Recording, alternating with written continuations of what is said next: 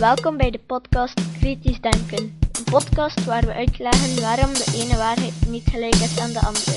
En hoe je kan uitwissen waarom de ene waarheid juister is dan de andere. Waar we uitleggen waarom het belangrijk is om alles kritisch te bekijken, ook deze podcast.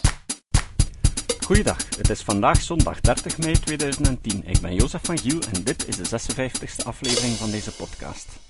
In deze aflevering lees ik een tekst van Richard Dawkins voor dat hij gebruikte tijdens een TED-talk. Rick de Laat heeft gezorgd voor de ondertitels van de film. Je kan de film bekijken vanaf mijn blog. Raarder dan we kunnen voorstellen. Mijn titel: Raarder dan we kunnen voorstellen. Het vreemde van wetenschap. Raarder dan we kunnen voorstellen komt van G.B.S. Haldane de beroemde bioloog die zei: Ik denk dat het universum niet alleen raarder is dan we veronderstellen, maar raarder dan we kunnen veronderstellen. Ik vermoed dat er in de hemel en op de aarde meer dingen zijn dan we dromen of onszelf kunnen dromen in eender welke filosofie. Richard Feynman vergeleek de nauwkeurigheid van de experimentele voorspellingen van de kwantumtheorie met het bepalen van de breedte van Noord-Amerika met de nauwkeurigheid van één haarbreedte. Dit betekent dat op de een of andere manier de kwantumtheorie waar moet zijn. Maar de aannames waarop ze gebaseerd is om deze voorspellingen te kunnen maken, zijn zo mysterieus dat het zelfs Feynman ertoe bracht de opmerking te maken: Als je denkt dat je de kwantumtheorie begrijpt, dan begrijp je de kwantumtheorie niet. Het is zo raar dat fysici op de een of andere paradoxale interpretatie moeten terugvallen.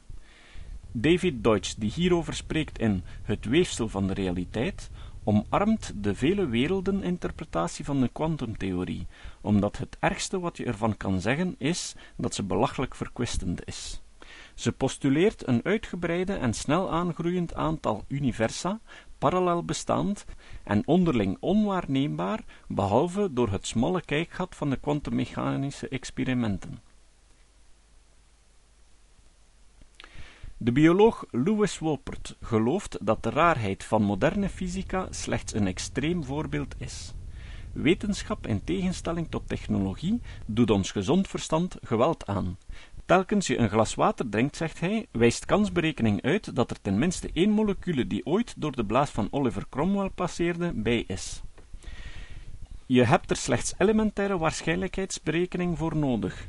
Het aantal moleculen in één glas water is enorm veel keren groter dan het aantal glazen of blazen water in deze wereld. En er is natuurlijk niks speciaals aan Cromwell of zijn blaas. Zojuist heb je een stikstofatoom ingeademd dat ooit passeerde door de rechteroog van de derde iguanodon aan de linkerkant van die grote reuzenvaren. Raarder dan we ons ooit kunnen voorstellen. Wat is het dat ons de mogelijkheid geeft om iets te veronderstellen? En zegt dat iets over wat we kunnen veronderstellen? Zijn er dingen in het heelal die voor altijd ons begrip zullen te boven gaan, maar niet boven het begrip van een superieure intelligentie? Zijn er zaken in het heelal die, in principe, onvatbaar zijn door elke intelligentie, hoe superieur die ook mag zijn. De geschiedenis van de wetenschap is een lange reeks botsende ideeën als successieve generaties in het reine moesten zien te komen met steeds toenemende niveaus van raarheid van het heelal. We zijn nu zo vertrouwd met het idee dat onze aarde ronddraait, eerder dan dat de zon rond de aarde draait, dat we ons moeilijk kunnen voorstellen wat een verpletterende mentale revolutie dat moet geweest zijn. Voor ons lijkt de aarde uitgestrekt en onbeweeglijk, en de zon klein en beweeglijk. Daarom moeten we hierover Wittgensteins opmerking erbij halen. Zeg eens, vroeg hij een vriend, waarom zeggen mensen altijd dat het voor de hand lag dat de mens veronderstelde dat de zon rond de aarde draait, eerder dan dat het de aarde was die ronddraaide? Zijn vriend antwoordde, Nogal duidelijk, omdat het lijkt dat de zon rond de aarde draait. Wittgenstein antwoordde: Wel, hoe zou het er hebben uitgezien als het er had uitgezien alsof de aarde draaide? Wetenschap heeft ons geleerd dat, tegen alle intuïtie in, ogenschijnlijk massieve zaken, zoals kristallen en rotsen, in feite bijna volledig uit lege ruimte bestaan. En de bekende illustratie hiervan is de kern van het atoom als een vlieg in het midden van een ruimte zo groot als een sportstadion. En het volgende atoom is dan het volgende sportstadion. Zelfs de hardste, massiefste, dichtste rots is in werkelijkheid bijna volledig lege ruimte en hier en daar kleine deeltjes zo ver uit elkaar dat ze eigenlijk niet zouden moeten meetellen. Hoe komt het dan dat rotsen zo solide, hard en ondoordringbaar uitzien en aanvoelen? Als evolutionair bioloog zou ik het zo stellen. Onze hersenen zijn geëvolueerd om ons te helpen overleven binnen de grenzen van grootte en snelheid waarbinnen onze lichamen functioneren. We zijn nooit geëvolueerd om te navigeren in de wereld van atomen. Indien dat wel het geval was, dan zouden onze hersenen rotsen vooral als lege ruimte zien. Rotsen voelen hard en ondoordringbaar voor onze handen aan, omdat voorwerpen als rotsen en handen niet in elkaar kunnen doordringen. Het is daarom nuttig voor onze hersenen om begrippen als vastheid en ondoordringbaarheid te construeren, omdat zulke begrippen ons helpen om onze lichamen te sturen door de middelgrote wereld waarin we onze weg moeten vinden. Als we even gaan kijken aan het andere uiteinde van de schaal, dan zien we dat onze verre voorouders nooit door de kosmos moesten zwerven met snelheden in de buurt van de lichtsnelheid. Als dat wel het geval was, dan zouden onze breinen beter geschikt zijn om Einstein te begrijpen. Ik wil de naam middenwereld toekennen aan de middelgrote omgeving waarin we geëvolueerd zijn om te functioneren. Heeft niets te maken met middelaarde. Middelwereld dus. We zijn dus geëvolueerd tot bewoners van middenwereld, en dat begrenst onze mogelijkheden tot verbeelding.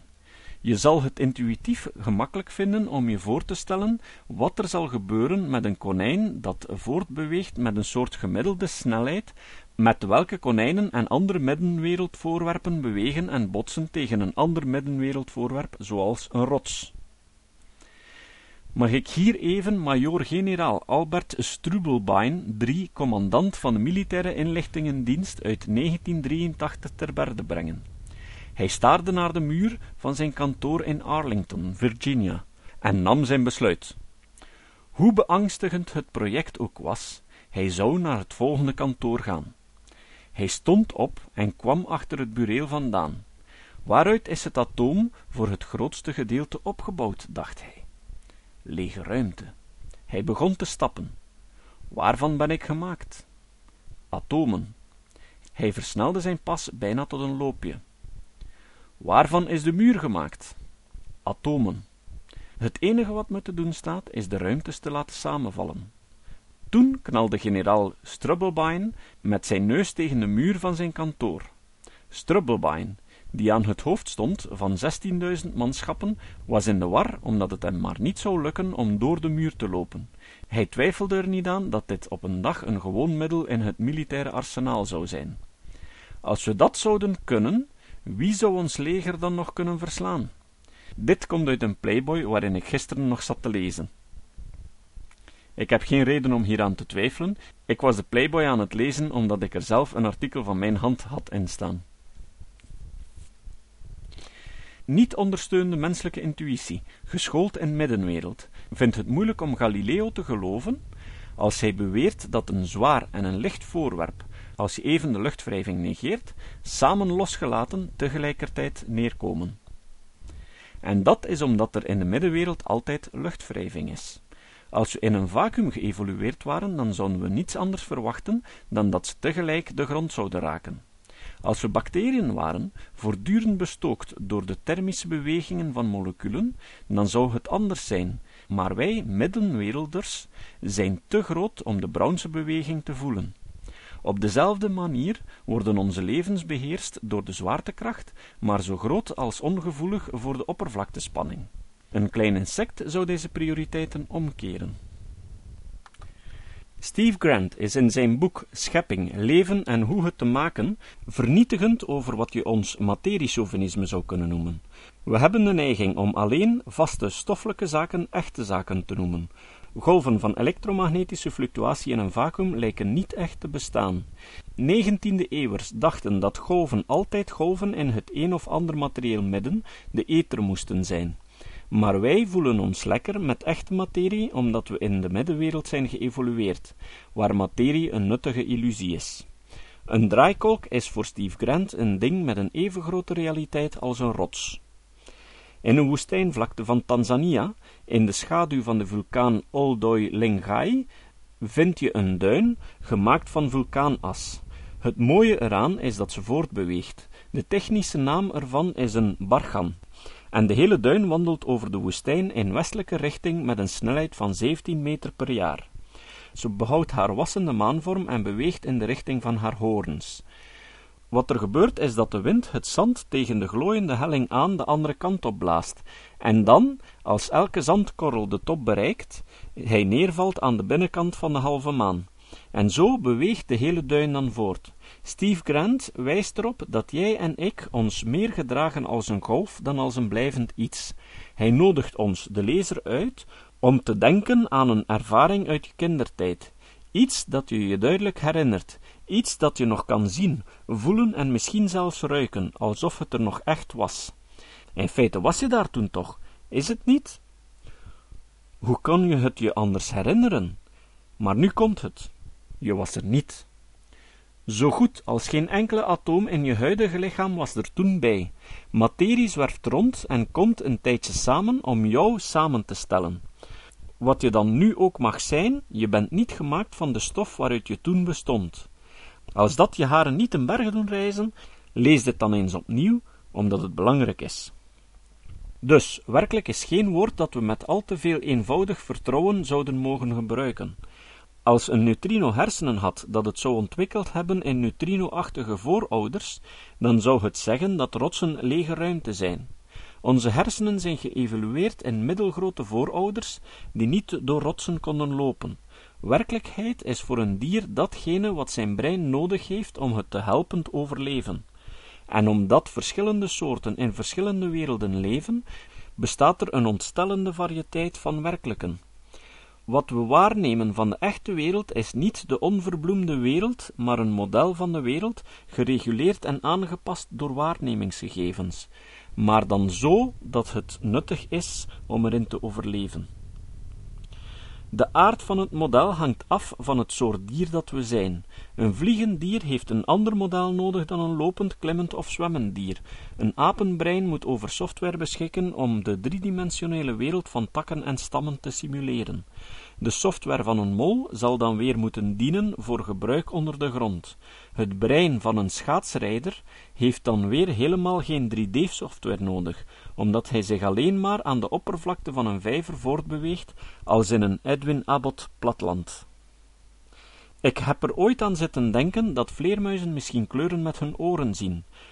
Het wereldmodel dat een vleermuis nodig heeft om te kunnen vliegen in drie dimensies, om insecten te kunnen pakken, moet nogal lijken op dat van een vliegende vogel, zoals een overdag vliegende vogel als een zwaluw om dezelfde taken te kunnen uitvoeren. Het feit dat een vleermuis echos gebruikt om in volledige duisternis de nodige variabelen voor haar model samen te brengen, zoals de zwaluw dat overdag doet met licht, is bijkomstig. Ik suggereerde ook dat ze waargenomen tinten als rood of blauw als inwendige kenmerken voor een of ander nuttig kenmerk van echo's, zoals de akoestische textuur van oppervlakken, harig of glad of zo, gebruiken, op dezelfde manier als waarop zwaluwen of wij waargenomen tinten roodheid of blauwheid enzovoort gebruiken om onderscheid te maken tussen de golflengten van licht.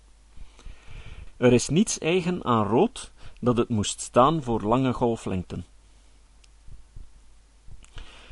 En het gaat erom dat de aard van het model bepaald wordt door hoe het wordt aangewend, eerder dan de sensorische modaliteit ervan. GBS Hellrain zelf vertelt iets dergelijks over dieren wier wereld gedomineerd wordt door de reuk. Honden kunnen onderscheid maken tussen twee soorten vetzuren, extreem verdund, caprilzuur en capronzuur. Het enige verschil tussen deze twee moleculen is een extra paar koolstofatomen in de keten. Haldane vermoedt dat de hond zelfs in staat zou zijn om door de geur de zuren te rangschikken volgens molecuulmassa, net zoals een mens een aantal pianosnaren naar lengte zou kunnen sorteren afgaande op hun geproduceerde noten. Nu is er nog een ander vetzuur, namelijk caprinezuur, dat ook op de anderen lijkt, behalve dat het nog twee koolstofatomen meer heeft. Een hond die nog nooit caprinezuur heeft geroken, zou misschien niet meer moeite hebben om zich die geur voor te stellen, dan wij er moeite mee zouden hebben onze trompet met een hogere noot dan die we zojuist zouden hebben gehoord voor te stellen. Misschien ruiken honden en neushoorns en andere op geur georiënteerde dieren wel in kleur. En de redenering zou precies dezelfde zijn als voor vleermuizen. Middenwereld, het gebied van afmetingen en snelheden waarin we zo zijn geëvolueerd dat we er intuïtief vertrouwd mee zijn, is een beetje zoals het nauwe gebied van het elektromagnetisch spectrum waarin we de verschillende kleuren licht zien. Voor alle andere frequenties zijn we gewoon blind, behalve als we gebruik maken van de geschikte instrumenten. Zo is de middenwereld het nauwe gebied van realiteit dat we als normaal ervaren, in tegenstelling tot de raarheid van het extreem kleine, het extreem grote en het extreem snelle. We zouden zo een gelijkaardige schaal van onwaarschijnlijkheden kunnen ontwerpen. Niets is totaal onwaarschijnlijk. Mirakels zijn alleen maar gebeurtenissen met een extreem hoge onwaarschijnlijkheid. Een marmeren beeld zou naar ons kunnen wuiven. De atomen waaruit het is opgebouwd vormen een kristallijne structuur en trillen naar alle kanten. Omdat er zoveel van zijn en omdat ze geen onderlinge afspraken hebben over een voorkeursrichting van beweging, blijft het marmer, zoals we het in de middenwereld waarnemen, stokstijf staan maar de atomen van de hand zouden wel eens toevallig terzelfde tijd dezelfde kant op zouden kunnen gaan, en dat telkens opnieuw. In dat geval zouden de hand naar ons zien wuiven in de middenwereld. Maar de kans dat dat zou gebeuren is zo klein dat als je begonnen was met nullen te schrijven bij het ontstaan van het universum, je er nu nog altijd niet mee klaar zou zijn. Evolutie in de middenwereld heeft ons niet uitgerust om om te gaan met zeer onwaarschijnlijke voorvallen. Daarvoor leven we tekort. Maar dat wat in de middenwereld onmogelijk schijnt, zou in de uitgebreidheid van de astronomische ruimte en geologische tijd wel eens onvermijdelijk kunnen zijn. Een manier om daarover na te denken is door planeten te gaan tellen. We weten niet hoeveel planeten er bestaan in het heelal, maar een goede schatting is 10 tot de twintigste of 100 miljard miljard en daardoor kunnen we op een handige manier de onwaarschijnlijkheid van het leven inschatten. We zouden langs dit spectrum van onwaarschijnlijkheid wat merktekens, zoals bij het elektromagnetisch spectrum, waarover we het zo net hadden, kunnen aanbrengen. Indien het leven slechts eenmaal op elke planeet zou zijn ontstaan, dan zou het zeer algemeen voorkomen of het zou maar eenmaal per ster, of eenmaal per melkweg, of zelfs eenmaal in het hele universum, in welk geval dat hier zou moeten geweest zijn kunnen voorkomen. En ergens daarboven is er misschien een kikker veranderd in een prins, en nog wat gelijkaardige van zulke magische zaken. Als het leven slechts op één planeet in het hele universum is ontstaan, dan moet dat op deze planeet zijn geweest, omdat wij hier zijn om erover te praten. En als we dat willen aannemen, dan is het ons toegelaten om bij het ontstaan van het leven chemische gebeurtenissen te postuleren met een waarschijnlijkheid van één kans op 100 miljard miljard. Maar ik denk niet dat we dat hoeven aan te nemen, want ik vermoed dat het leven nogal algemeen zal voorkomen in het heelal.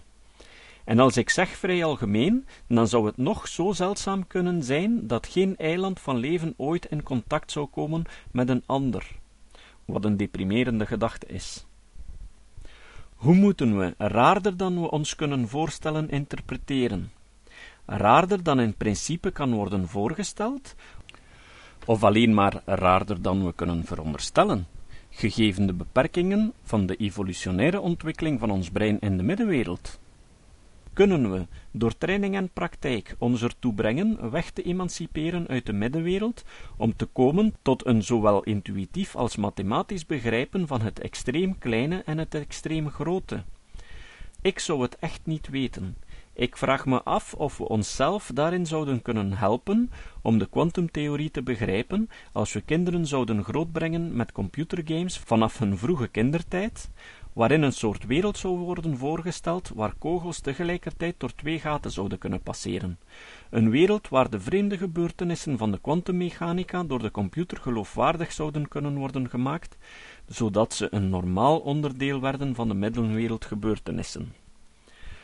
Op dezelfde manier een relativistisch computerspel waarin voorwerpen op het scherm Lorentz-contractie ondergaan om onszelf op weg te helpen om relativistisch op de manier van Einstein te gaan denken. Ik wil eindigen door het idee van middenwereld op onze waarneming van elkaar toe te passen. De meeste wetenschappers vandaag onderschrijven een mechanistisch idee van de geest. We zijn zoals we zijn door de bedrading van onze hersenen, omdat onze hormonen zijn wat ze zijn. We zouden anders zijn en onze karakters zouden anders zijn als onze neuroanatomie en onze fysiologische chemie anders zouden zijn. Maar wij wetenschappers zijn niet consequent. Als we consequent zouden zijn, dan zou onze reactie op iemand die zich misdraagt, zoals een kindermoordenaar, iets zijn zoals: dit apparaat heeft een fout onderdeel, het zou moeten worden gerepareerd. Maar zo reageren we niet. Wat we wel zeggen, ook de meest streng mathematisch ingestelden onder ons, waartoe ik mezelf reken, wat we zeggen is: smerig monster, de gevangenis is nog te goed voor je. Of nog erger, we zoeken weer wraak, daarbij met alle waarschijnlijkheid een cyclus van escalerende tegenwraak startend. We hoeven maar naar onze wereld van vandaag te kijken om daarvan getuige te zijn. Om het kort te maken, als we als academici denken, dan zien we mensen als ingewikkelde machines zoals computers en auto's. Maar als we vanuit menselijk standpunt kijken, dan reageren we meer zoals Basil Fawlty, die zoals we weten zijn auto te lijf ging omdat hij niet wou starten op de gourmetavond. De reden dat we zaken als auto's en computers personifiëren, komt omdat we net zoals apen in een boomwereld, mollen in een gangenwereld en schaatsrijders op een door oppervlaktespanning gedomineerd platland, in een sociale wereld leven. We zwemmen door een zee van mensen, een sociale versie van middenwereld. We zijn geëvolueerd om de bijgedachten achter het gedrag van anderen te zoeken, door briljante intuïtieve psychologen te worden. Mensen zien als machines is misschien wetenschappelijk en filosofisch interessant, maar het is omslachtig tijdsverlies als je de bedoeling van een persoon wil raden. De economisch nuttige manier om een persoon te modelleren is om hem te zien als een doelgericht agent met genot en pijn, verlangens en interesse, schuld, aansprakelijkheid personificatie en het toekennen van gerichte doelen is zo'n briljant en succesvol systeem voor mensen dat het nauwelijks verbazing hoeft te wekken dat dezelfde modellerende software soms de controle overneemt als we trachten te denken over entiteiten waarvoor het eigenlijk niet van toepassing is, zoals Basil Fawlty met zijn auto of miljoenen misleide mensen over het hele universum.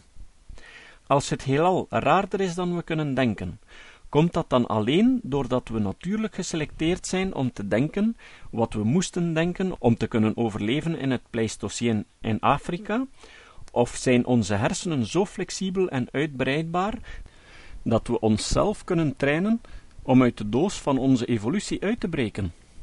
Of zijn er ten lange leste sommige zaken in het universum zo raar dat geen filosofie van wezens, hoe goddelijk ook, ze zou kunnen bedenken?